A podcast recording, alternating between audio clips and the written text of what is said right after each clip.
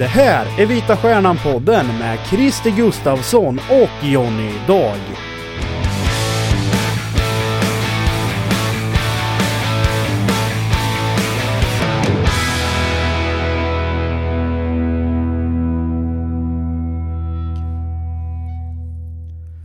Då säger vi välkomna till avsnitt nummer 40 faktiskt av den här podden och det är alltså lite jubileum kan man säga Jonny. Hur är läget med dig till att börja med? Du menar att jag fyller 40? Ja, det var ett tag sedan. Det var ett tag sedan, tyvärr ja. Ja. Mitt läge är stadigt uppåtgående. Eh, jag räknar med att vara helt symptomfri eh, fram till midsommar faktiskt. Okej. Ja, Pratar vi om min eh, groteskt långa förkylning då. Mm. Men annars är det bra. Jag har varvat upp den här förmiddagen med lite Black Sabbath-bas hemma faktiskt. Ja, okej. Förra året var det 100 träningspass till midsommar. Nu det att du åtminstone ska vara frisk till midsommar. Det går lite ut kan man säga. Då. ja, det är sant. Ja, ja, jag kanske Ja. det där med- jag ger mig på någon sån 100-utmaning igen. Mm. Jag kanske håller den lite mer för mig själv eller jag har den utåtagerande i sociala medier. Så det var bra i och för sig, då fick man lite press på sig. Det låter bra. Och du kunde intyga att jag klarade det också. Ja, ja, det kunde jag i och för sig. Ja, du var inte med på alla hundra, men du var, med på det hundrade i alla fall. Precis, precis. Ja. Du, det här är ett historiskt avsnitt på flera sätt. Inte bara för att det är nummer 40. Det är också så att vi för första gången har två gäster i vår podd. Det har vi nog aldrig haft förut, eller hur? Det har vi inte, Nej. men en förklaring är att vi nu har ett eminent eh, poddsystem, mm. på säga, men med kablar och mickar och hörlurar till fyra pers. Så att vi är fyra Mm. runt bordet här. Precis, så vi hälsar välkommen till eh, inte så långt eh, hit kommen David Evung som jobbar här i vanliga fall också. Tack Sigge. Varsågod, varsågod. Och så har vi Makoto Asahara här som har jobbat här. Men Ja. eh, du kan få berätta själv vad du gör numera. Jo, jag hänger ju i Stockholm nu för tiden, så jag, nu för tiden är det väl på Aftonbladet som jag skriver då. Det är lite nostalgiskt att komma tillbaka hit, det är fint att se. Det är ju lite som har förändrats, men eh, Jonnys fina Liverpool-mugg, den står sig fortfarande, precis som den gjorde när man kom in här som en liten parvel för väldigt många år sedan. Så. Precis, det bara blir lite mer kära in i den kan man Ja, säga. som jag, jag sa till i. Makoto att jag tror inte den är diskad sedan han lämnade bygget här faktiskt. På riktigt. Det kan vara så. Herregud, herregud. ja, Nej men det är nostalgiskt och fint att vara tillbaka måste jag mm, säga. det låter bra. Och det är ju uppgraderat med teknik och alltihopa, det finns ju en Mm. podd till och med. Var en Precis. sån sak. Precis, precis. Och då tänkte vi vi skulle utnyttja dig till, och David också givetvis, och prata lite silly season, för det är därför vi är här. Mer än eh, Johnnys hälsa kan vi väl konstatera. Black Sabbath-basen då. ah, den är också lite i, i bakgrunden kan vi säga. Silly season, allsvenskan, fotboll. Eh, intryck än så länge, det är ganska dött va, eller vad säger man? Ja, alltså det är ju inte riktigt kunnat börja än, känns det väl som. Det är ju fortfarande ganska långt kvar tills liksom, säsongen ska dra igång. Vinterfönstret har ju inte öppnat ut i Europa än, som är ju en ganska viktig del för att spelare ska flytta utomlands, så att de kan värva spelare. Men så att det kommer nog komma igång här. Det känns ändå som att vi har haft lite värvningar, det har varit lite snack, det har ändå kommit igång lite. Särskilt på tränarfronten har det ju varit mycket snack och det har varit väl så sent som igår två allsvenska lag som fick nya Två fräscha namn kom in. Mhm. Ja, Precis. väldigt fräscha. Mm. Nytänkande Mm. namn. Precis. Nanne? Bergström ska väl å andra sidan alltid träna Kalmar. Det står väl något så här Kalmar-Unions-fördraget eller något sånt eller vad säger man? Det var intressant med Nanne att redan när det började blåsas där kring MP så var han ju ganska passande direkt där och eh, drog ut att ja men såklart att min telefon står ju öppen om någon vill ringa. Mhm. Har, har de hans nummer menar du? De, Ja, jag tror att de, det finns någonstans. Det är nog så svårt att få tag på. Nej. Nej. Eh, så att det var ju, jag tror att han ville, men han la det ju ut på något så här ganska passande tillfälle då, när, Mm. mitt i den här stormen som det var lite intressant, och nu tar de alltså Nanne ändå, jag vet inte riktigt vad de kommer att nå med där kan man väl säga. Känns det fräscht David? Tyckte det skriker eh, en klubb som inte har tagit något bra beslut de senaste Ja, det är väldigt, väldigt länge sedan i alla fall de tog ett vettigt, sunt beslut på, på Guldfågeln känns. Vad gör vi då? Jo, vi tar det säkraste och mest inpräntade namnet vi kan hitta för att styra upp där igen. Så att det är väl ett, ett rent trygghetsbeslut känns det som rakt igenom och, och ehm, på något sätt kan jag förstå det liksom med tanke på hur rörigt det har varit där med allt som hänt de senaste åren. Det känns som att det var en klubb i fritt fall som med nöd och näppe fixade allsvenska kontraktet och det var ju viktigt för dem förstås. Så att, eh, jag kan väl på något sätt förstå beslutet och det säger också lite vart Kalmar FF står 2019 Mm. eh, när man tar ett sånt beslut och tar tillbaka Nanne. Är det tredje gången nu eller? det? Jag måste det. väl vara tredje va? Mm. Han Ja, kan ju det. klubben i alla fall, Mhm. det får man ge honom. Absolut, ja, det- är väl en, en fördel om man ser det på plussidan för, för Kalmars del. Ja, det är ju inte alltid en fördel att kunna klubben eller på att säga, men Nej. ja. Ibland är det ibland inte kan man säga. Ja. Ja. Om vi ska försöka leda in det här på IFK Norrköping och jag gör det via Ove Rössler, då förstår ni ungefär vart jag vill komma va? Han ska till IFK. Nej, tvärtom kanske. Nej, men Ove Rössler lämnar Malmö. Det har väl varit en någon slags välbevarad icke-hemlighet under en ganska lång tid känns det som. Man har väl knappt firat klart avancemanget nere i Köpenhamn innan det kom, kallades till presskonferensen och det låg väl liksom redan i pipelinen att det skulle komma beslutet. Så att det var väl väntat att, att han lämnar då, den gode tysken där och eh, där har Jens Gustafssons namn också spekulerats och kopplats samman ett tag. Så vi får väl se vart, eh, vart det landar här men eh, jag har väl inte riktigt stängt den eh, möjligheten att Jens har faktiskt, jag säger inte att han är på väg dit, men att han är ett namn i alla fall på deras lista, det, det tror jag absolut att han är med tanke på den nya inriktning som Malmö vill ta också. Jag har pratat lite med Mattias Larsson bland annat som sa att Malmö liksom vill väl, har väl sneglat lite åt IFK Norrköping hur de har jobbat under Jens då med att ta hem spelare, fostra dem och sälja dem dyrt och sådär och att uh, göra det mer till en kanske en uh, en plats där spelare utvecklas och inte plocka in så mycket dyra färdiga namn som har floppat sådär. De har ju värvat mycket och framförallt har det varit ruljans på tränarsidan. Man kanske inte har hittat någonting det man vill ha. Så att, är det någonting Jens har gjort bra på, på parken eller Östgötaporten är det väl just det här att han har eh, värvat sunt och sålt dyrt och fått spelare och blomstra och fått ut sin fulla potential. Så vill man gå åt det hållet förstå att man faktiskt tittar på Jens Gustafsson. Mm. Det svåra här, det känns ju som att om man tittar på Malmös tränarrekrytering på sista tiden så Alltså de har ju felrekryterat gång efter gång efter gång. I fallet Rössler så har du ändå, har han lyckats med att bygga ett lag som faktiskt ser otroligt stabilt ut i Europa på ett sätt som Malmö nog aldrig har gjort förut. Man går in och vinner sin grupp i Europa League, du går igenom ett kval utan att det egentligen känns oroligt en enda gång. Så på så sätt har han gjort ett fantastiskt jobb, men hans fotboll är ju inte en fotboll som du vinner ligatitlar med, den fotboll som du kan liksom stabilt ta dig vidare i Europa.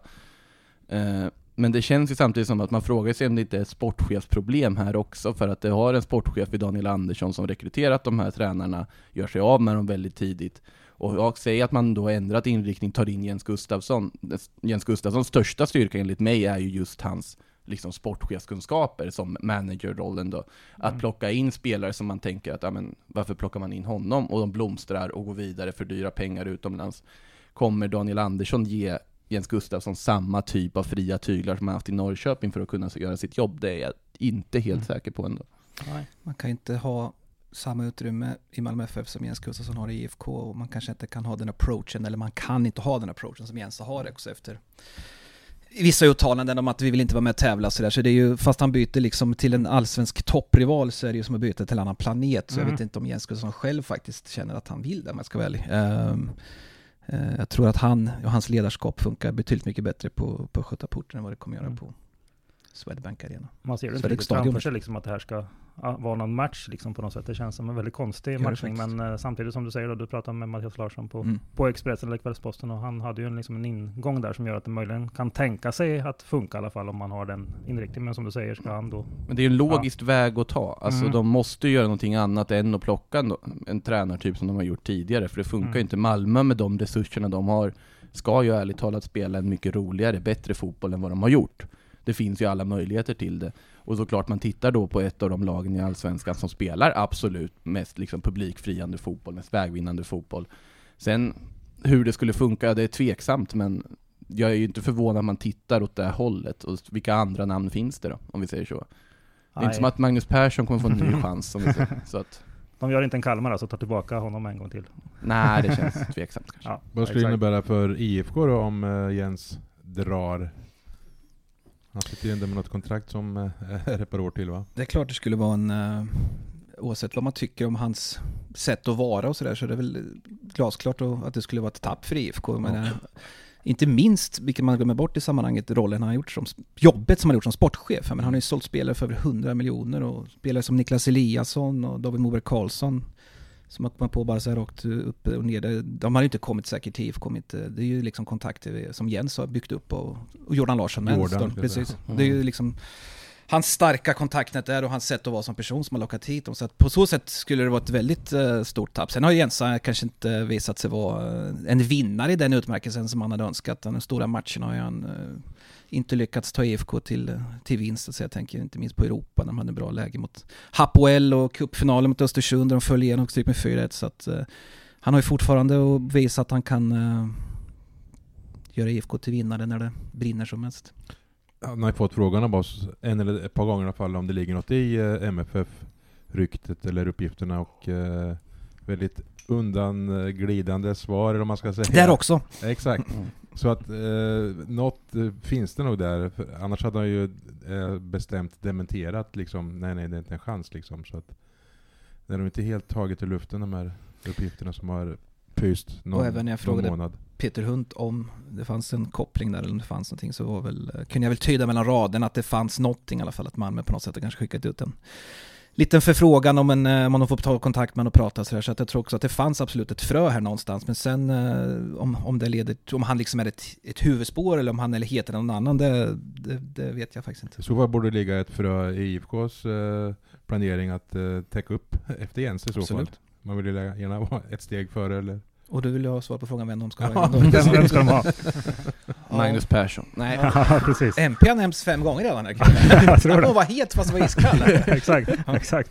Eh, Dra på sig Magnus Persson-podden snart. ja, precis. Mm. Nej men det är väl väldigt bra fråga vart, ja, vem som skulle kunna ta över om man tittar utomlands eller om man tittar liksom i Sverige. Jag vet inte riktigt vilka namn man kan tänka sig. Som, det är nog flera som skulle vilja ta över IFK Norrköping. Vem skulle passa IFK Norrköping profil? Vill man ha en liknande profil som Jens Gustafsson eller vill man gå en annan väg sett till att de sportliga resultaten faktiskt inte varit tillräckligt bra sett i den trupp som har varit? Nu måste man ändå säga att fjolårssäsongen är ju ett misslyckande positionsmässigt sett till liksom vad för spelare man värvar, hur mycket man faktiskt satsade. Så att det är ju oerhört intressant att se vilken väg man skulle välja att ta då, ifall nu Jens skulle gå. Jag tror ju ändå att jag förstår ju om Gustafsson skulle vara intresserad av Malmö ändå sett till slutspel i Europa League med de resurserna att jobba med. Det är otroligt liksom uppgradering ändå, även om det är samma serie. Nu kastar jag in eh, ett väldigt långt inkast här. Eh, skulle Kim Hellberg vara möjlig påtänkt, eller är han inte alls framme där ännu? Jag tycker att det känns lite väl... eh, lite väl stort steg att ta för Ja. honom faktiskt. Han har ju haft ett division 1-lag i en division som högsta uppdrag, liksom som bästa uppdrag. Och ingen sportchefsroll heller? Nej. Sådär, så Nej, ja, det får man ju också väva in i sammanhanget att det kommer ju faktiskt en sportchefsroll till det här Ja. också. Att det inte bara Mm. träna ett lag och Nej. leda en träning och ta ut ett lag Exakt. utan du ska även... eh, ja, jag bara ställde... Ja, jag vet det. Nej men Ki- Kim, eh, om vi ska prata vidare om honom så är det ju en, eh, ett namn och en kille som alla pratar väl om och, och sådär. Jag gjorde en intervju med honom, han ger ett otroligt bra intryck måste jag säga. Han, han brinner ju för det här på ett sätt som är ganska unikt faktiskt. Och har ju skolats väl i, i pappas skola med, med allt vad det innebär, inte bara som fotbollstränare utan även som människa och liksom väldigt sunda åsikter och värderingar och så här. Så att han är säkert ett, ett blivande tränarnamn på en väldigt hög nivå, men redan att han skulle ta IFK om ett eller två år känns inte realistiskt tycker jag inte. Det var nog vad jag tänkte att du skulle Mm. svara också. Jag tänkte, Precis. om det blir Kim så måste vi kunna ändå stoltsera med att vi har breakat det här spåret här va? Precis. Något av namn som jag känner vi ska bara knyta ihop den här spekulativa, vem som Ja, kan ta över ett, en tränartjänst som inte ens är tillgänglig än. Är väl... eh, Ja, just det. Ja, men Ja, jag, just det, jag kan det. tänka mig liksom Tony Gustafsson fyller på många sätt de kriterierna som Jensa står för ändå. Mm. Som, som, som tränare och som, som människa. Så att det skulle vara det. Nu hade inte han någon lyckad eh, inhopp här och han kunde inte rädda Sundsvall kvar tyvärr. Men han har ju haft en jättebra session i USAs eh, damlandslag. Och känns som han är lite av Jensa-skolan faktiskt. Både personlighetsmässigt och eh, vad han står för fotbollsmässigt. Så kanske det är något namn. Han har ju varit aktuell tidigare vet jag för IFK för ett par år sedan när det inte varit han då. Men eh, kanske ett namn på Peter Hunds lista i någon gömd byrålåda i Portugal någonstans. Man sparar ju en slant också på att du behöver inte byta ut efternamnet, du kan bara byta ut liksom Jens. Tony på skyltar och så vidare. Det går ju ganska snabbt Precis. ändå känns det som. Precis, finns mycket pengar att hämta där. Ja. Nej men det är fortfarande ändå, måste man ju ställa frågan om sportchefsrollen, för det är ganska viktigt. För Mm. att vill man fortsätta gå på det här managerspåret då, eller vill man eh, ta in en riktig sportchef som liksom sportchefar enbart? Och då är nästa Mm. fråga, vem skulle den vara? I sånt fall. Precis, precis. Det här segmentet kanske blir eh, bortkastat, som förmodligen Jens Gustafsson kanske ändå blir kvar, men ifall han inte blir kvar så har vi i Men alla fall väl pratat om när det. han, när Precis. han lämnar om Precis, då har vi resonerat om det. Ja. Så kan man säga. Om vi tar IFK som sådant då, vi tittar mer spelarmässigt. Vad, David, vad behöver IFK in till nästa säsong för att du ska tycka att här har vi en guldutmanare på riktigt? Jag hävdar ju med en dåres envishet att jag vill se en forward som eh, s- s- bryter ett mönster som jag brukar upprepa mig om och det betyder kanske lite större fysiska forward än någon mer eh, trygg uppspelspunkt som jag tycker saknas just nu. Och där har vi ju haft namnen uppe redan med Dino Islamovic och Samuel Nemani, den du CG, där satt Där jag. satt- där satt jag första gången. Armani. Nemani, eh, AFC då. Eh, det, är- det är två namn som har som har i alla fall läckt ut här. Nu verkar det Ja. inte bli något med i alla fall Islamovic och Nemani kanske lever, vem vet, vi får väl se. Ja. Men det är väl en anfallare som jag känner, eh, Kalle Holmberg hade väl lite båda de här delarna, kunna både vara en upplyftspelare och en target, men nu försvinner ju Mm. han och då känns det inte som att det finns någon riktigt stark spelare att sätta upp bollen på, så att det, Nej. det känns nästan som ett nödvändighet att IFK ska hitta något namn där faktiskt. Det finns Rent många som kan numerärt. springa kan man säga, men inte så många som kan kanske ta den rollen. Exakt. Mm. Rent numerärt, eller inte bara numerärt, de tappade Jordan eh, i somras. Så de har ju tappat två liksom färdiga forwards. Tog väl in Majkan där då som eh, Sema, som eh, Ja, ett förvisso. kan ha ett alternativ, men han hade ju en väldigt, väldigt trög höst. Började bra, gjorde mål mot Hapoel där, men sen var det ju skador och ständiga comebacker och som misslyckades för han åkte på nya skador, så att, eh, det är väl ett alternativ. Nej, men jag tycker Mm. att en forward bör, eh, bör in, men sen har ju en sagt att han ska ha mittback, vilket fick mig att höja på det, båda ögonbrynen faktiskt. Jag tycker det är något de har och dessutom har bra backning och kvalitet så är det väl backlinjen, men om eh, det är de resonerar så, så misstänker jag att, de ser Filip Dagerstål kanske sticker iväg här i, eh, under säsongen. Mm. Är det. Filip tänker? jag? Ingen av danskarna? Uh, Lauritsen har ju gjort, uh, var väl kanske en av svenskans bästa backar, Ja. absolut. Så Han har, fast det känns som att... ehm, bra fråga. Nej, jag, jag tror, jag tror att Dagerstål känns närmare en, en, en flytt än, än Lauritsen faktiskt. Jag Ja. tror Dagerstål ändå varit här så pass länge också. Han vill ju såklart testa alltså vingarna utomlands förr eller senare. Och det känns som ett bra läge här. Mm. I sånt fall innan han liksom stan- börjar stagnera istället. Mm. Att eh, ta ett kontrakt utomlands och se vad det ger i princip. Så Mm. det, det skulle inte förvåna mig heller om Dagerstål lämnar. Angående forwardrollen så känns ju Dino Islamovic hade ju varit perfekt egentligen sett till de kvaliteter han har. Namani som jag har sett tycker jag väl ändå är inte riktigt samma target-typ. Han är ju mer en liksom tekniskt snabb, hårt arbetande anfallare. Och det finns Mm. ju med Skrabb och Nyman och så vidare. Så då skulle man hellre göra om Nyman till en target då Mm. tänker jag nästan. Så Mm. att det måste, det ska vara någon reslig, liksom inte så här superteknisk eh, Emir Kujovic typ som man Mm. vill ha in där på topp. Mm.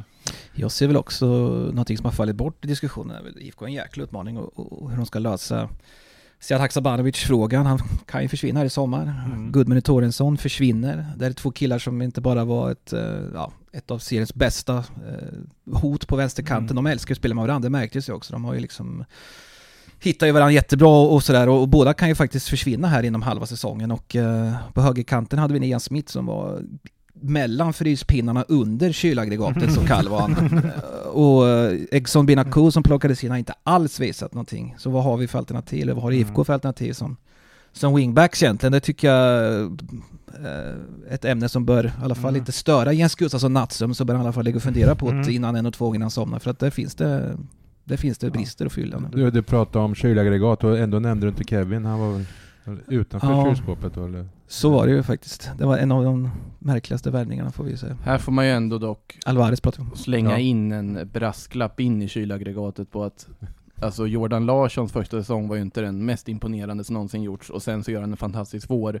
Jag tror att i en klubb som Norrköping så har man ändå väldigt mycket tålamod med en värvning, att en första säsong är en inkörsport. Absolut. Nu vet jag inte hur Kevin Alvarez inkörsport var, det var inte riktigt som att han blev välkomnad in i värmen direkt.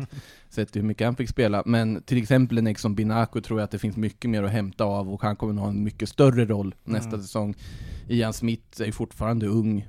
Finns en utvecklingspotential så högersidan ser väl jag att man åtminstone kan gå in i säsongen med dem där. Vänster är ju en annan sak då. Nu när Skrabb ska spela anfall, när du har Torarinsson som försvinner, du måste ha in någon form av vänster wingback. Mm. Och ja, vem skulle det vara tänker man ju återigen då. Mm. Det, det finns ju många duktiga vänster wingbacks i Allsvenskan om vi ser så, men vilka skulle tänka sig flytta på? Vem kan man faktiskt köpa loss? Mm. Men det finns ju många olika alternativ. Bara för att jag säger det så kommer jag inte på ett enda namn. Nej. Precis. Och här är en position med, där, där Ja. IFK haft David Moberg Karlsson med framgång och man har haft Gurme Torasson med framgång. Så jag menar det är ju en position som på något sätt har kännetecknat IFKs framgång när de har haft lyckosamma spelare där ute. Så att, eh, Eliasson, även om det kanske var en liten annan roll. verkligen. Om det hade varit för ett år sedan hade jag sagt Dennis Widgren skulle in där. Men nu så tror jag inte att Hammarby har något intresse av att släppa honom direkt, så det är inte ens värt att spekulera i. Ja, just det. Men en sån typ av spelare, liksom Mm. en offensivt duktig ytterback som även kan liksom ta jobbet hemåt. Mm. Har lite mer än bara att han springer och slår inlägg, utan har en Mm. vettig passningsfot också. Jag tror Widgren hade varit helt Mm. perfekt, men det går ju bara att drömma där. Kristoffer Taylor då, kan han eh, kliva in och ta en sån här roll? Man vet ju vad man får där Mm. liksom. Det är ju hårt, stenhårt jobb. Framförallt att ingen kommer komma förbi på kanten. Men vad får vi framåt av honom? Dessutom Mm. är det en högerfot på en vänsterkant och hans Ja, han kan spela höger med givetvis, men eh, i sådana fall känner jag väl att det är på vänsteralternativ i sådana fall att fylla upp där. Men hans, eh, inget ont om hans vänsterfot, men den kanske inte håller Gudmund Tora i sån klass. Nej, det kan vi ska du inte glömma bort när han har vikt in och dragit bollen i bortre krysset ett par gånger. Mm, Telo 2 Arena. precis, precis. Nej, det känns väl om vi ska summera det här att det är väl eller det är framåt Jens Gustafsson måste fylla på. Bakåt med en fantastisk målvakt och en backlinje som satt ihop och höll nollan 16 av 30 matcher. Det är ju, Mm. det är ju säger sig självt liksom att den inte kommer bli så mycket sämre. Men eh, det är ju att ersätta eh, Torensson och hur man ska hitta Kalle Holmbergs ersättare som eh, måste, måste... Det är de svaren vi vill ha. Mm. Jag vill nog hävda en sak till. Du var inne på det lite i smyg där kan man säga när du sa en målvakt. Det kanske är så att IFK bara har en målvakt om man inte räknar Julius Lindgren som ska spela i Sylvia för att Isak Pettersson har ju ett år kvar på kontraktet. När ska Julius Ja. Lindgren få agera andra målvakt? Ja, jag alltså jag, jag lider Ja. lite med honom för att alltså, så fort det har varit en skada på Mita Mm. eller något ska de hitta någon, någon Mm. ny kort lösning på att agera extra keeper. Mm. Liksom Julius har så lite förtroende att han inte Mm. ens får sitta på bänken i laget. Att de desperat ska hitta någon norrman liksom någonstans eller en, jag vet inte Mm. vad. Nästan lite ledsamt att se Ja. tycker jag. Någon Gustav Jansson som hade lagt Mm. av va? Ja men typ så. Mm. Jag säger så här då, att Gustav Jansson kan försvinna, Andreas Weikla verkar försvinna. Då kanske det ändå behövs in någon målvakt till oavsett om man ska vara nummer tre eller nummer två eller nummer fem.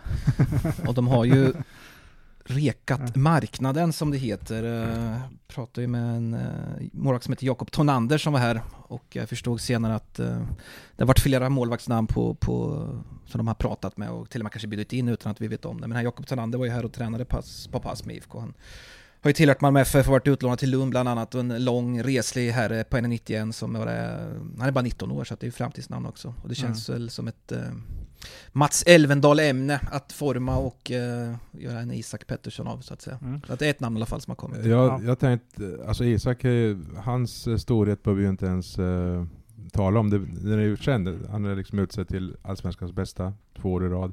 Och det är nästan eh, att det blivit som en förbannelse på något sätt för IFK att han är så bra. För att Mitov har ju sagt att han vill inte komma hit. Han vet ju hur, hur det är liksom att Isak är superrätt så länge han är frisk och så vidare. Och Weikla är samma. Han fattar ju liksom att det finns ingen anledning. Det går liksom inte att jag får spela här. Så att det är nästan att han liksom skrämmer bort de här som skulle kunna vara bra för att de vet att de inte kan peta Isak. Så Jag är det- lite fascinerad hur de lyckades locka över Weikla ännu en gång. Alltså det är, det är inte som Ja. att han kan ha tänkt att "Ja, men nu ska jag få speltid den här gången. Ja men det är ju Norrköping." som han har sagt, han, alltså han Ja. kommer ju till Mats som han liksom avgudar som målvaktstränare och, Mm. och får träna med Isak och så vidare. Ja. Så det är ju det som han ser som plusbitarna. Han var i och för typ Det- tredje fiol i Kristiansund tror jag när han Mm. kom också. Ja. Och petade Mariehamn innan det. Mm. Mm. Precis. Så han var inte stekhet. Ja, exakt. Det kanske Nej, men ni fattar, liksom Isak Ja. har blivit ett stoppkloss för, för att få in målvakter för det är ingen som törs ta upp kampen knappt. Vad gör Fimpen nu för tiden? Ja, Mm. han, han kanske Han kunde inte ens rädda Återvid kvar, han är slut. Ja, exakt, exakt. Ja, det, det har väl sett det sista som målvakt kanske, eller vad tror ni? Fimpen, det känns inte In, kanske som inte att det, för att eh, hoppa allt för mycket i det fina körschemat som eh, du har förberett här, men ja, Kevin Wright Örebro, vänster eh, wingback-roll, Mm. känns ju inte helt omöjlig att kunna plocka fram. Man bara ska slänga ut ett Mm. namn här som också har kvaliteter. Där har du farten. Mm. Mm. Det är bra att du hoppar eh, som du vill, det vill vi att du ska göra. Makoto försvann i någon tanke. Jag såg att du satt och drömde, men vem du skulle komma på som alternativ. Jag såg det. Precis, precis. Sen kom han. Fan fanns i Örebro. Ja. Ja, men det är ingen, ingen dum, eh, inget dumt förslag i alla fall. Det kanske är någonting som IFK kan titta lite på. Se om de lyssnar på det här. Ja, det vet vi inte. Ska vi även knyta upp Isak och målvaktsämnet vi pratade ja. om så har ju IFK under en lång tid försökt och förlänga med Isak har ju Jens har varit tydlig med och eh, pratade faktiskt med Isak själv innan han hoppade på planet till Thailand här för en vecka sedan och då sa han att eh, eh, det, det är inte alls omöjligt att det löser sig sa han. Mhm. Och det, var, det är väl ett, eh, indikerar i alla fall, eller tolkar jag som att det blir en, det blir en förlängning här snart. Mm. Det tror jag att IFK gärna vill i alla fall, eller det vet jag att IFK gärna vill. Det är väl ganska givet i och för sig att man vill ha det. Bara ett år kvar, så att eh, ska han sen gå ut i Europa, om man nu skulle göra det framöver, så vill man ha lite kosing för honom misstänker jag. Om Pontus Dahlberg gick för 40 miljoner till Watford för några år sedan så tycker väl att det är någon stark, stark indikator på vad IFK kan få för Isak Mm. Pettersson som jag håller som en, både en och två klasser bättre Men faktiskt. Pontus Mm. Dahlberg är lång. Precis, Det är där jag du har säger det. Exakt, exakt. Eh, ta inte upp det för Mats Elfendal för ofta. Skämt åsido. Han tycker inte att det finns någon anledning att prata om hans längd. kan man sammanfatta det. Jag förstod att det var en, en, en, en, skämtsam passning, men Ja. jag tror faktiskt det kan fortfarande Ja. vara det som håller en kvar i. Allsvenskan. Så är det nog. Det, det kan vara den bilden som finns av honom även ute, ute i Europa, även om vi vet att han kan vara bra, även om han är kort. Verkligen. Ska vi knyta upp lite backdel också, som Jens Gustafsson nu vill ha en mittback. Eh, Du pratade ju med Jon Gunny Fjolesson här för en stund sedan. Kan han vara backbomben som kommer hem från Krasnodar? Kan han vara det? Ehm, det ska jag tilläggas i ämnet att han är, spelar ju inte där borta. Det sa han själv att det var frustrerande och jobbigt för när han är hela och eh, inga avstängningar så är han eh, mannen som sitter på bänken och han är inte ens på bänken såg Europa League-avgörandet senast. Eh, alltså rent fotbollsmässigt vore det väl, du kan inte hitta något bättre. Eh, eller det är klart du kan göra det men det är svårt att göra det i alla fall. Eh, där får du ju allting. Du får ju fysiken, uppspelsfoten och en, en fin personlighet också som är viktigt idag tydligen när man ska till Norrköping. Att man inte är någon jobbig jävel. Eh, men pengarna som han lyfter i Krasnodar kontra vad Peter Hund kan erbjuda eh, talar nog inte för att det blir en eh, comeback än i alla fall. Ska jag lyfta en islänning bara för att vi ska ha något nytt namn att prata om då? Eidur Aron Sigur Björnsson. Nu du. Ja, Säg snabbt tre gånger. nej, det kan jag inte. Nej, men han var, jag vet inte om det, han var i mittbacken som var aktuell samtidigt som Rasmus Lauritsen i, i vintras och spelade kvar i Valur tror jag på Island. Om man ska Har han gjort det någon. bra i Valur då? Nej, det vet jag inte. Jag lyfter honom bara för att han var intressant då. Har du vill följt bara säga honom, namnet. Ja, har du följt honom under året? absolut. Jag har full koll. Han har varit riktigt bra faktiskt. Men vad, vad vill vi ha eller vad vill vi se att de tar in för sorts mittback? Om Ja, de, men det är ju, vi har väl inte ens tänkt att det behövs någon mittback. Men jag kände det- också att det var en förvåning när Jens sa det, men man kanske vill att han ska ha en vänster, han kanske vill ha en vänsterfotad mittback, för de har Så pratat om att det är viktigt att ha två Mm. fötter liksom, och olika som kan lägga upp spelen olika då. Mm. Jesper är Eh, väl vänster? inte vänsterfoten. Nej, kanske inte. Nej. Som man bara- Alltså om man har Ja. tänkt att rotera i det där tremannaförsvaret under Inte mer försäsongen rotera nu. Det gjorde att det, ko- det kostar säsongen Jo för jag dem. vet, det var det. Var en liten peak till just det som kostade säsongen där, men Mm. så kan det Mm. behövas en till mittback. Men det känns ju som att nu har man egentligen läge att spela från början med de här. Mm. Sen behövs det väl någon backup, men det finns ju en Kastegren till exempel som gör det Fullgod skulle jag säga. Mm. Ja, som gör det Verkligen. utmärkt om man får komma in. Så det känns ju inte som att om Mm. ingen försvinner så är det inte där man behöver förstärka. Men om den mittback som kommer in och är vänsterfotad är jag inte förvånad, det var dit jag ville Nej, komma. jag förstår. Jag tänkte lyfta en annan fråga här. Vi, vi pratar ju väldigt ofta så här, om att diskutera vad IFK ska titta på och så kommer ju Fjolesson upp direkt och vi pratar Erik Smith och vi pratar här, liksom det här hemvändar... eh, IFK som kört man fast i Portugal. Exakt, man fastnar i det där hemvändarsnacket hela tiden. Liksom, finns det någon fara där? IFK kanske ska liksom gå vidare från, man kan ta hem folk hela tiden som har varit här. Att det, liksom, det kan inte vara grunden för att man ska få komma tillbaka till IFK. Att man kanske kan lyfta blicken lite och sitta andra spelare. Eller vad, vad säger ni om just att fastna i hemvändarspåret? Men är inte det något som alla klubbar gör? Det kanske är så. Det Och i alla möjliga former också, att man tittar oftast på sånt man känner igen och det syns ju överallt i samhället om vi säger så. Mm. Alla uppföljare till olika filmer som kommer och så vidare. Man vill Mm. ha någonting man känner igen. Om man vill ha någonting som är säkert, då tar man någonting man känner igen. Till exempel om du har en Erik Smith, säger vi till exempel, som är tillgänglig. Så vet Jens Gustafsson att ja, men det här får vi av Erik Smith. Han kan inte ha blivit mycket sämre när han var borta. Han kanske behöver få lite matchform och så Mm. vidare, men det är fortfarande en så pass bra spelare att vi kunde sälja honom en gång Mm. i tiden. Och då kommer han hit och i en liksom, säker miljö, Mm. har tränat i Mm. bra miljö tidigare. Så att jag, jag ser ju logiken i det på något sätt också. Det är enklare att övertala en sån spelare, för du, behöv, du kan liksom skita i alla liksom välkomstfraser och hälsningsfraser i början. Utan du vet, ja, vi är oss, du är du, vi vet vad vi har varandra. Men såklart att man ska titta utöver det också, Mm. naturligtvis. Jag ska förtydliga mig lite, jag säger inte att det är fel. Jag säger bara att ibland pratar man väldigt, väldigt ofta om just hemvändare, att man kanske ibland kan se andra vägar också. Slipper startsträckan där som du Ja. får med när Totte kom hem och du slipper startsträckan när Fransson kom Mm. hem och till viss del även Mike Sema. Mm. Telo.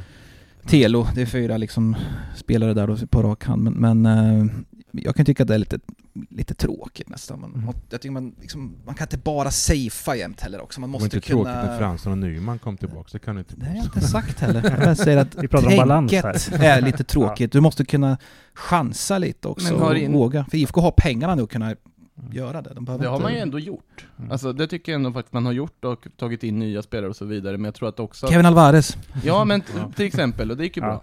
Eller har, har gått bra hittills. Eh, jag tänkte snarare att det är ju snarare när vi sitter och spekulerar så här. Så det är Mm. svårt för oss att börja prata om, men den Mm. där grabben i Mm. norska andra ligan som har gjort svinbra ifrån sig, han kan nog vi plocka in. Mm. Vi följer ju inte så mycket utanför allsvenskans ramar, och då är det Nej. svårt för oss att börja spekulera i namn som kommer från Mm. utlandet.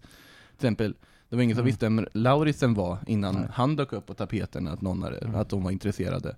Och då blir det ju lätt att, ja vad ska Mm. man ersätta? Ja men då har vi ju de här gamla IFK-arna som är Mm. här, eller de gamla allsvenska proffsen som är här. Det är de vi Mm. vet vilka de är helt enkelt, så det är med Mm. våran Det kanske liksom, rent av- det- fotbollsvärld. Det kanske är vårt fel, att det blir sånt snack. Ja, det är- det vårt fel. Ja, det kan vara så. Jag vet inte. Ja. En som inte kom tillbaka var ju Kujovic faktiskt, som ändå var på tapeten och ja, tillgänglig så att säga. Men Känns inte som IFK ville Nej, riktigt nej, någon gång. Inte. inte. alltså inför, ens nu menar jag, utan det har inte känts, även han satt under frysaggregatet i Gent så känns det inte som att IFK ens, Mm. nej. Fanns det inte en ekonomisk fråga där också? mycket möjligt. Ja, jag tror inte riktigt han faller i Jens eh, spelmönster så att säga. Mm. Det var folk som löper lite mer tror jag. Ja, Om jag fattar rätt. Men det vi ska väga in med i, i, i sammanhanget, där jag frågar Jens det, att det fanns ju en baktanke att, att han tog tillbaka både Telo och Sema för det var, det var ju på väg att bli lite väl mycket som det var förut i IFK när hela världskartan sitter i omklädningsrummet. Nu, nu fick de ju två killar från stan här tillbaka för, för att få tillbaka den prägel och den som var en del av den framgång de hade 2015. Hälften på plan, grabbarna från stan och så vidare. Mm. Så han, han, eh, du, får, du får två bra fotbollsspelare visst, men du får även ett mervärde i, i eh, det lokala inslaget och eh, det patriotistiska inslaget så att säga. Eh, och det liksom är fansens tillhörighet och allt sådär som stärks då, så att jag tror väl inte bara att det är vi kanske som sitter och spekulerar i hemvändardelen Nej. utan det finns även en tanke där hur man Mm. vill bygga laget och man har sett vad som är en framgång tidigare, inte minst 2015 och så, Så att, det. eh, Och så ska man jobba givetvis med, med Nyman och Fransson. Det är klart de ska komma hem till IFK. Det är väl ganska självklart med att Mm. liksom tänker och vart de är i utanför den- karriären ja, dessutom också. Utanför det, det kan bli lätt att bli Men annars hade de gått till en. Stockholmsklubb istället. Precis. Och det hade ju inte varit jätteuppskattat åt fansen precis. tror jag, om Totte Nyman hade stått där med en Hammarby-tröja. Liksom. Exakt. Så att det, det är ju fullständigt givet. Men eh, Köpte in sig i Hammarby. ja, precis. Exakt. Mike Sema kommer ju bli som ett nyförvärv. Det är nästan att man har Mm. glömt bort honom. Ärligt Mm. talat, han ett par- matcher gjorde det bra, sen när han var skadad hela hösten sen, Mm. mer eller mindre. Vart ska han spela då? Ska han vara på kanten eller i... Vart vill du ha honom? Ja, jag när du pratade om forwards, jag nästan jag hade glömt bort honom då. Det var det som det som jag fick påminna mig om.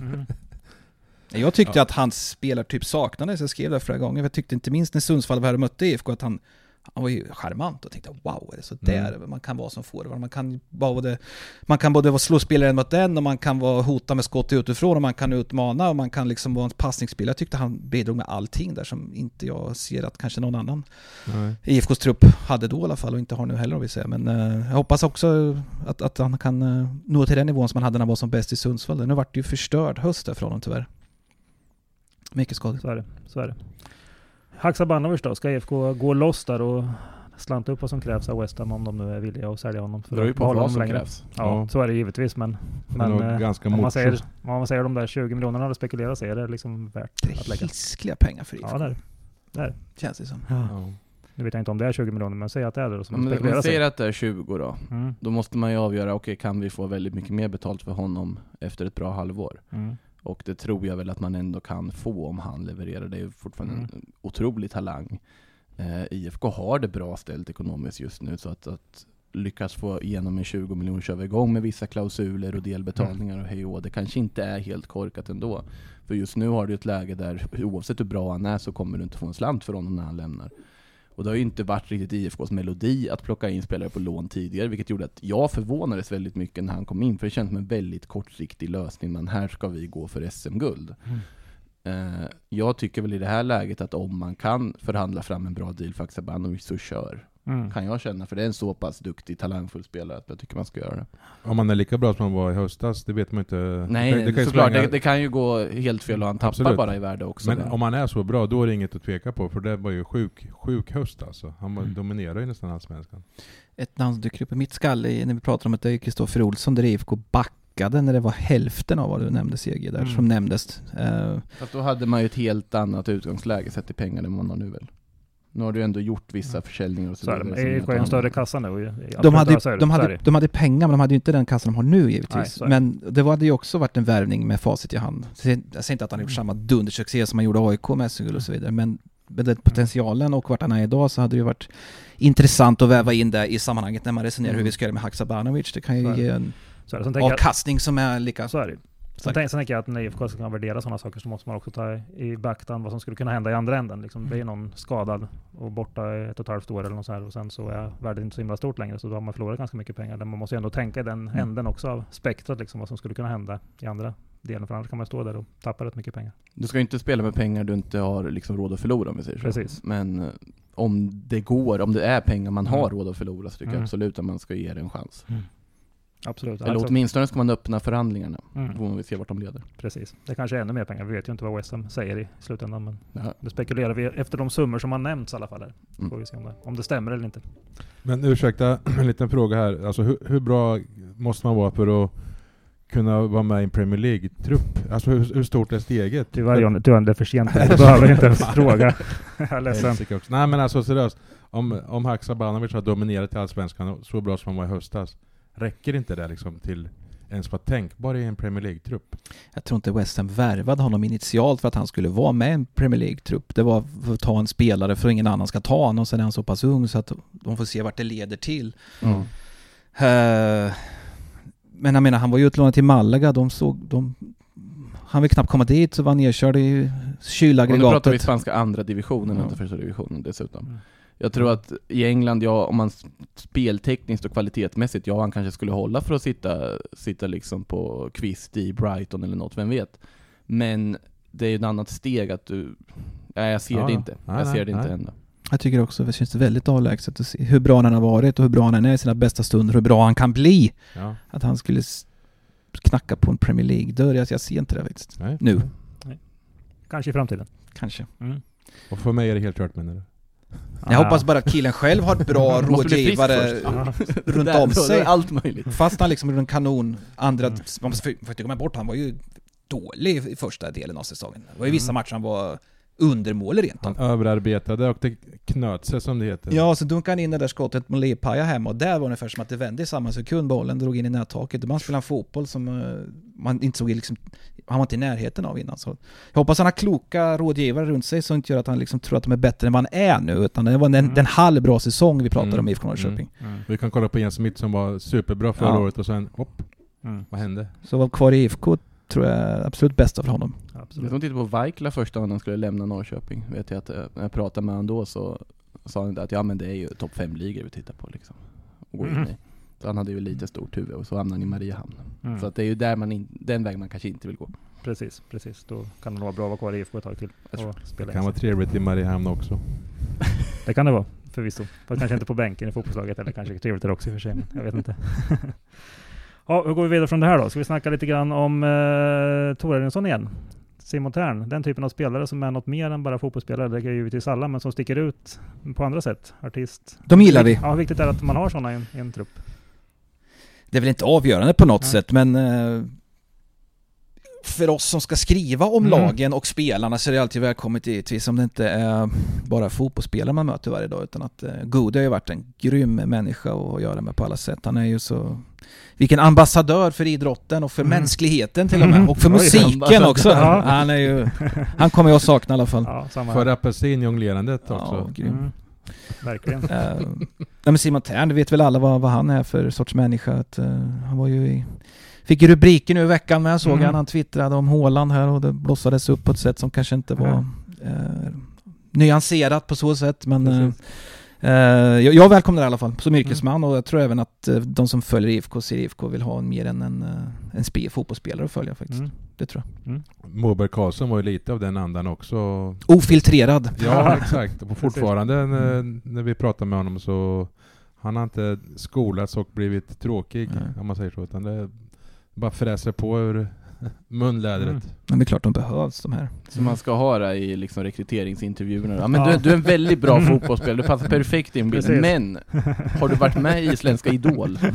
Exakt, så är det. Det är det viktigaste. Nej, då Nej, blir det då- inget. Då är det kört. Sen är jag inte övertygad om att kanske IFK-styrelsen och Jens Gustafsson gillar allting. eh, Nej. Eller liksom andas med lugn eh, rytm i bröstet när man ser att liksom mikrofonen är framför Simons Terns ansikte. För det kan bli vad som helst. För det kan liksom, och där har ju IFK, de har ju strypt det där till år ska tilläggas. De, de de införde en helt annan mediapolicy för att eh, de ansåg väl själva att de var ett, ett stadie nu där föreningen, där eh, en artikel leder till fem andra artiklar och så var det inte förut. Utan om Simon Tern eh, säger till Norrköpingstidningen att han sågar konstgräset på, på Östgötaporten att det är katastrofalt, då blir det artiklar i Sportbladet och det kanske blir i Expressen och, och på så sätt ville väl IFK då styra informationsflödet på ett annat sätt så att mm det, det har vi ju kanske fördjupa oss i en annan gång hur det har fungerat och vad det vad innebär för oss men, men så är det ju faktiskt. Det är ju, Dock, dock har de inte strypt hans Twitterkonto. Än. Så att, nej, så att han har ju vissa, vissa tyglar att fortfarande dra i. Ja. På något sätt är det väl eh, inte, inte för att jag led såklart med kollegan där som blev namngiven naturligtvis i den där diskussionen, men det på något sätt är det befriande att se att ändå Tern är tillbaka och twittrar och är Absolut. igång Mm. på ett sätt med tanke på den säsong han har haft, att han börjar återgå till sitt liksom vanliga jag på något sätt, när han Mm. ändå drar en sån tweet och Absolut. kör. Absolut. På, och man kan ju se det ur den positiva aspekten, även om just i det här fallet så var det väl Mm. inte så jätteroligt för min kollega då. När förser man man skulle fråga honom hur var Jonas, eller förlåt, Simon Sterns 2019, då skulle man ju direkt gå i tankarna till när han gick ut och berättade väldigt starkt om honom, om den här Mm. depressionen han hade, eller ångesten han hade. Eh, Man minns ju ingenting vad han gjorde på fotbollsplan. Men han gjorde ju Nej. inte mycket på fotbollsplan. Just det. Han hade en tuff säsong. Han var, han var skadad i, vår, i våras. Eh, fick en, inledde ju... Men de rubriker som var, det var om det var skador Absolut. eller sågning av konstgräs. Ja, och sen var det en, några rubriker att han hade, eh, trodde någon, hjärtfel också. Det var de, det Ja, skrevs en, in, aldrig det. någon, hur han var som fotbollsspelare någon gång. Nej, inte mycket. Det var väl också lite eh, Ryssland och dylikt som dök upp det. där på tapeten med sommaren väl. Så det känns väl så här, om du tycker att Mike Seman känns som ett nyförvärv så är Simon Tern ett ny nyförvärv i sådana fall. Eh, En Simon Tern i 2018 års form kan ju betyda ganska mycket för Absolut. IFK faktiskt. Mm. Men, det, kän, det känns lite osäkert, jag vet inte liksom hur högt man ska sätta förväntningarna på honom efter det här och Mm. eh, hur långt bort är han från att vara den här nyckelspelen som IFK tog hit för att han skulle leda dem till ett, ett SM-guld, vilket han själv pratade om att han såg att det var därför han kom hit delvis, för att han såg att det fanns en chans att vinna ett guld här. Hur långt är han därifrån? Det, får ju, det blir jätteintressant att se försäsongen. Vi har inte pratat med honom sedan den där utlämnade intervjun här i höstas. Eh, jag, Jättefin intervju måste jag väl säga till det också. ja, tack. Om det var riktat till mig. Ja, det var du som gjorde den, den eller? Vem skulle jag annars rikta det Ja, du till? kanske riktar till, till koncernen. Allt för koncernen ja, det, det gäller fortfarande. Nej men vi har inte pratat med honom överhuvudtaget. Vi har låtit, låtit honom få liksom landa i det här och vara i fred och inte tjatat. Men jag tror att han är ruggigt eh, revanschsugen rent fotbollsmässigt. Han, vi, vi pratar om att vi inte sett honom på plan så mycket. Han kanske är medveten om det själv också. Och jag tror att han brinner och får liksom få visa den riktiga tärn på planen och inte de här andra grejerna liksom. Jag Vart tror- placerar den Andreas Blomqvist tänker jag? Det är en bra spelare är bra. som eh, kom in Ja. och bidrog. Det är en bra fråga också. Ja. Han har haft eh, några tunga år men fick ju faktiskt en bra höst där och fick spela lite grann Man märker ju verkligen hur Mm. mycket Jens Gustafsson alltså, litar på och Mm, värderar Andreas verkligen. Blomqvist sett till hur snabbt han alltid kastas in efter de Mm. här skadeuppehållen och hur Mm. otroligt högt Verkligen. rankad han är. Verkligen. Det är väl som du sa då någon gång att han har väl till och med sagt det att då när han var innan alla skador att det var en av de första han plittade ner i sin Mm. laguppställning. Så pass stor förtroende har Andreas Blomqvist i IFK Norrköping. Ja, det är ju någon... Man kan ju diskutera tajmingen i det, men jag hade ju en krönika innan Simon Tern gick ut och berättade om allt det här, att eh, är det inte konstigt att man inte saknar Tern mer på plan ja, just det. än vad man gör? Ja. IFK gick jättebra, de höll nollan, de vaknade till och spelade en fotboll och de tog poängen på löpande band på ett sätt som de inte hade gjort på hela säsongen. Och, Ja. och då var inte han liksom med i diskussionen där. Så jag, är han självskriven även när han är hel och i form? Fransson är så självskriven man kan vara på positionen, ja. ja. Ska Simon Tern ha platsen bredvid honom? Så bra som 2018 så vill jag nog hävda att han i alla fall, ja, ska, alla ska han ha det. Men det är klart Andreas Blomqvist i formen innan han fick alla skador så är han Man i alla kan fall inte där och bara hotar. leva på ett namn, säger det. Det är dit jag vill komma. Jag förstår det. Man, man, man får visa lite med. Ja. Jag förstår vart du vill komma. Han, är, han är ju bra när han är som han kan vara så att säga. Så att det är inte bara ett namn som, som han bidrar med. Du förvränger mina ord, jag har inte sagt det. Man kan inte bara leva på ett namn. Så man måste visa också. Johnny förvränger alltid saker tycker jag. Jag ber om Ja. ursäkt. Hörrni, ska vi knyta ihop IFK Norrköping-säcken här? Kommer det överhuvudtaget hända något stort i IFK i den här silly season? Eller liksom, vad kommer vi få se? Jag tror det eftersom de ut, uttryckligen är på jakt efter åtminstone två forwards med lite dignitet. Sen vet vi inte... Har vi inte sett om, om Namani heter han. Om han är andra eller inte. Men utifrån det intresset så något lär nog hända framåt. Jag tror inte de bara nöjer sig med att Pontus Almqvist ska släppas fram och så vidare. Utan de vill ha någon tyngre gubbe där. Absolut, men vi har haft några silly season här två år i rad där det har varit riktigt heta namn som har stängt in här på presskonferenser på löpande band. Och frågan är om vi kommer vara uppe på den Ja, men lo- logiskt sett så kan det väl inte fortsätta på exakt samma vis. Alltså Nej. i och med att de har satsat så mycket som de har gjort så måste det ju, och många av de värvningarna inte har fått visa så mycket under det senaste året så måste ju de vara tänkta för att visa någonting det här året som kommer. Mm. Så jag tror inte det kommer bli samma kaos om det inte blir många spelare som lämnar, men det verkar ju inte vara allt för många som lämnar. Så att, ja, två, tre värvningar Mm. som går in i en liksom, A-lagstrupp. Sen huruvida de går rakt in i en startelva eller huruvida de går in bara i truppen, det återstår att se också. Mm. Och för varje etablerad värvning blir ju vägen in till spel i A-laget svårare och tajtare för Manasse Kuso, Pontus Almqvist, Isak Bergman Johannesson. Sen är jag personligen väldigt spänd och nyfiken att se när den dagen IFK skriver kontraktet med Ishak Abdulrazak här som jag har sett nu. Ja, det är väl ett och ett halvt års tid han har varit här, för- farit fram och tillbaka mellan Nigeria och Sverige på så kallat turistvisum, då får ju bara vara tre månader åt gång. Men det jag ser på träningen av av en 17-åring, 16-åring då, när han först ska komma, det, det är ju helt otroligt så bra han är alltså. Mm. Fysiken är där, touchen är där, spelsinnet är där. Det känns som att han är en full, liksom god allsvensk spelare när man ser på träning. Sen är det en helt annan sak att göra till match, men jag tycker man kan se på träning med, om det är valpigheter, det finns ingen sån, det finns ingen han är totalt respektlös, kliver in och, nej, jag säger det, eh, det ska bli Mm. grymt intressant att se. Om inte någon annan klubb eller lag gör en kupp och nyper honom här nu, för det skulle vara en jäkla smäll för IFK kan jag säga, när man har haft Ja, en sån Mm. guldklimp liksom utstakad att han liksom ska Ja. bli våran och sen om han försvinner skulle vara en jäkla smäll. ja, det vore det. Eh, Men jag tror inte det kommer vara en svensk klubb i så fall. Det, det vore riktigt Mm. märkligt i så fall. Mm. Det är snarare om det är någon utländsk med lite större muskler som ser potentialen, trots att IFK har försökt att eh, gömma honom så gott de kan.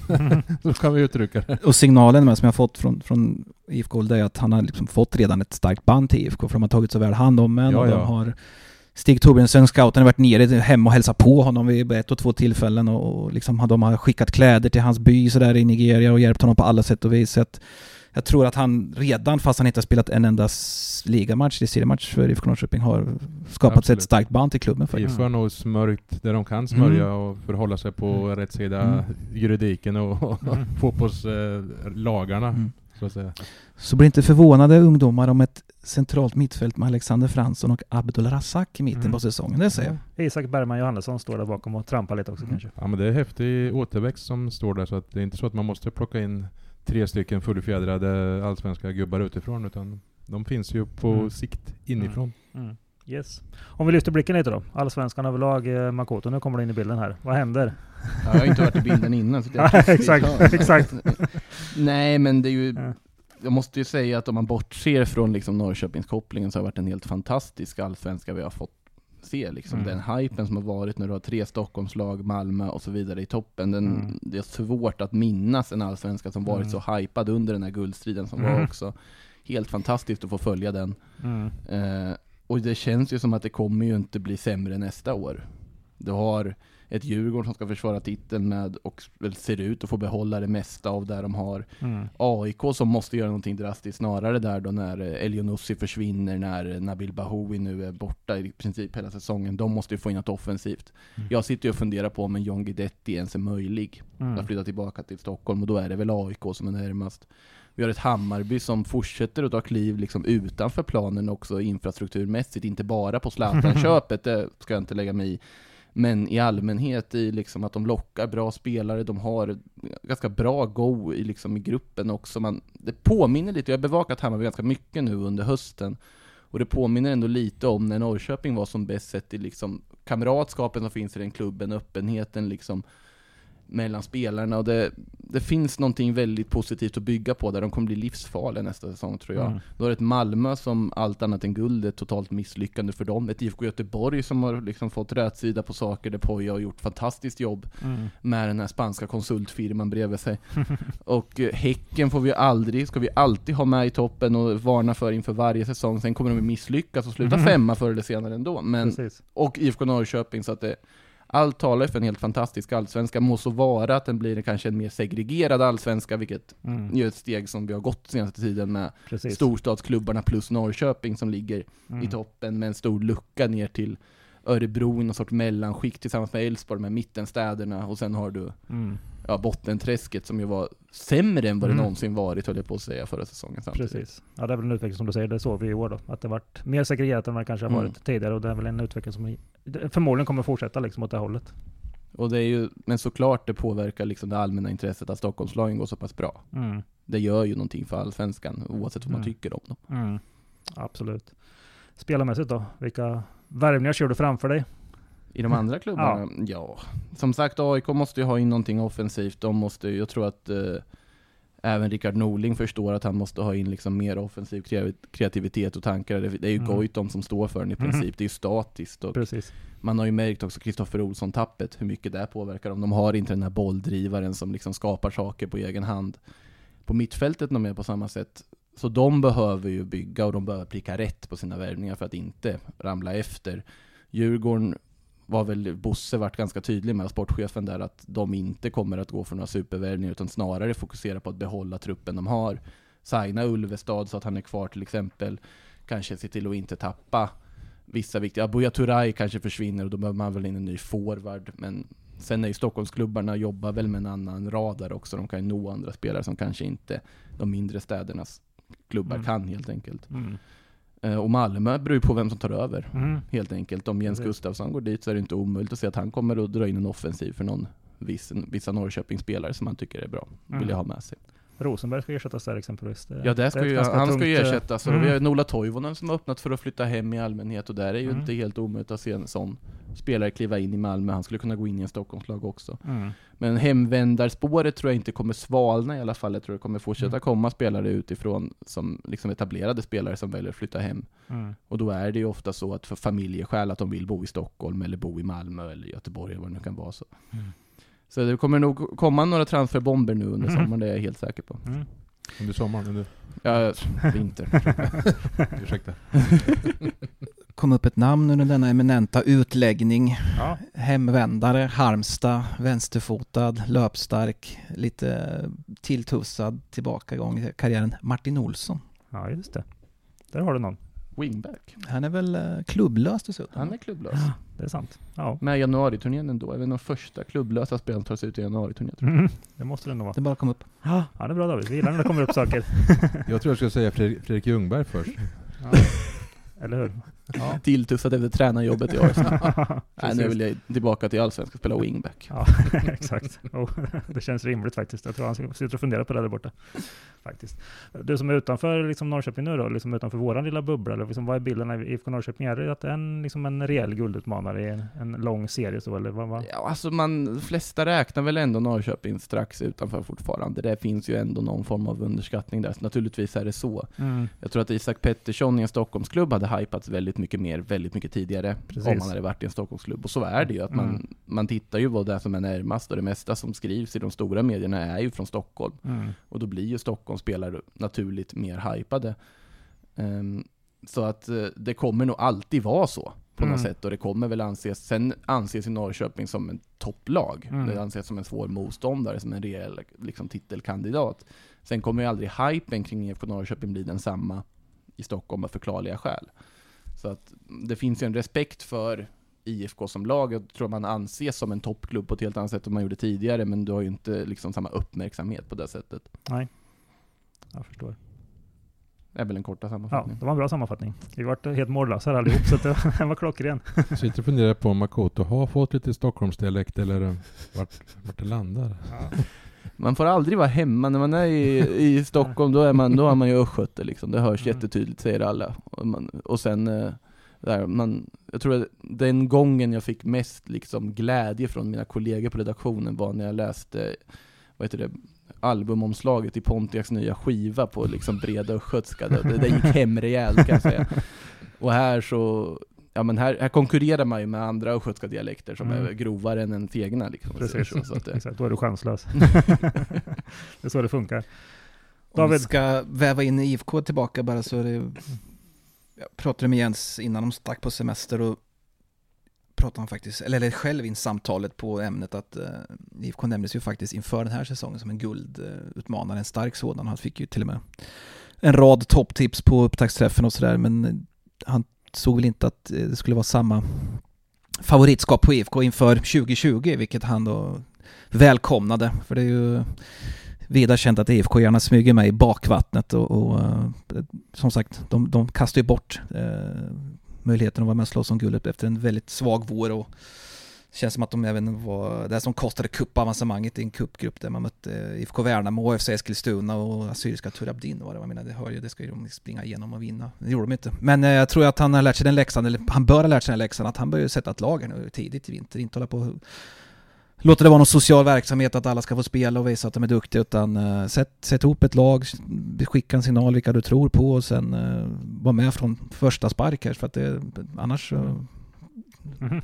vad kostar det liksom? Så det att, kommer ja. krävas mer poäng för att Ja. vinna en serie än vad du har gjort tidigare, än vad du gjorde till exempel 2015, så du måste vara med på tårna direkt med tanke på hur många konkurrenter Mm. det är Precis. som Och, slåss om det. och så segregeras som det också. Det gör ju att eh, topplagen blir bättre och bättre liksom. Du måste ju vara med och konkurrera med dem om du ska Men det, man kan vinna. inte räkna Mm. med att om Hammarby spelar mot säg, Falkenberg hemma, eller Djurgården möter något liksom, nu är inte Sundsvall kvar, men Alltså, ja, Varberg säger vi då. Du- kan räkna med att de kommer ta sin trepoängare på ett Mm. eller annat sätt. På ett annat sätt än man kunde räkna med tidigare, där allt kunde ske i varje match.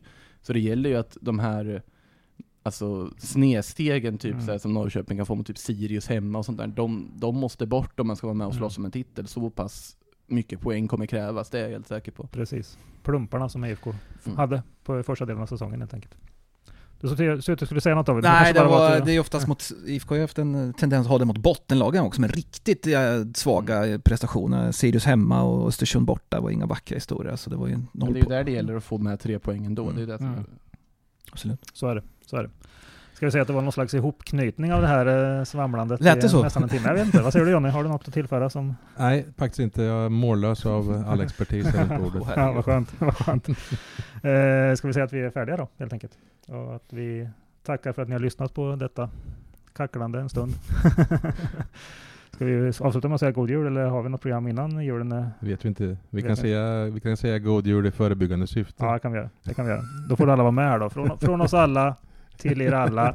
En riktigt, Riktigt god, god jul. jul. Det var så där synkat, men vi säger att det får duga i alla fall. Bengt Feldreich. Exakt. Hörni, tack för att ni har lyssnat på oss och ha det så gott där hemma. Tack, tack. Hej, hej. hej. hej. Det här är Vita Stjärnan-podden med Christer Gustavsson och Jonny Dag.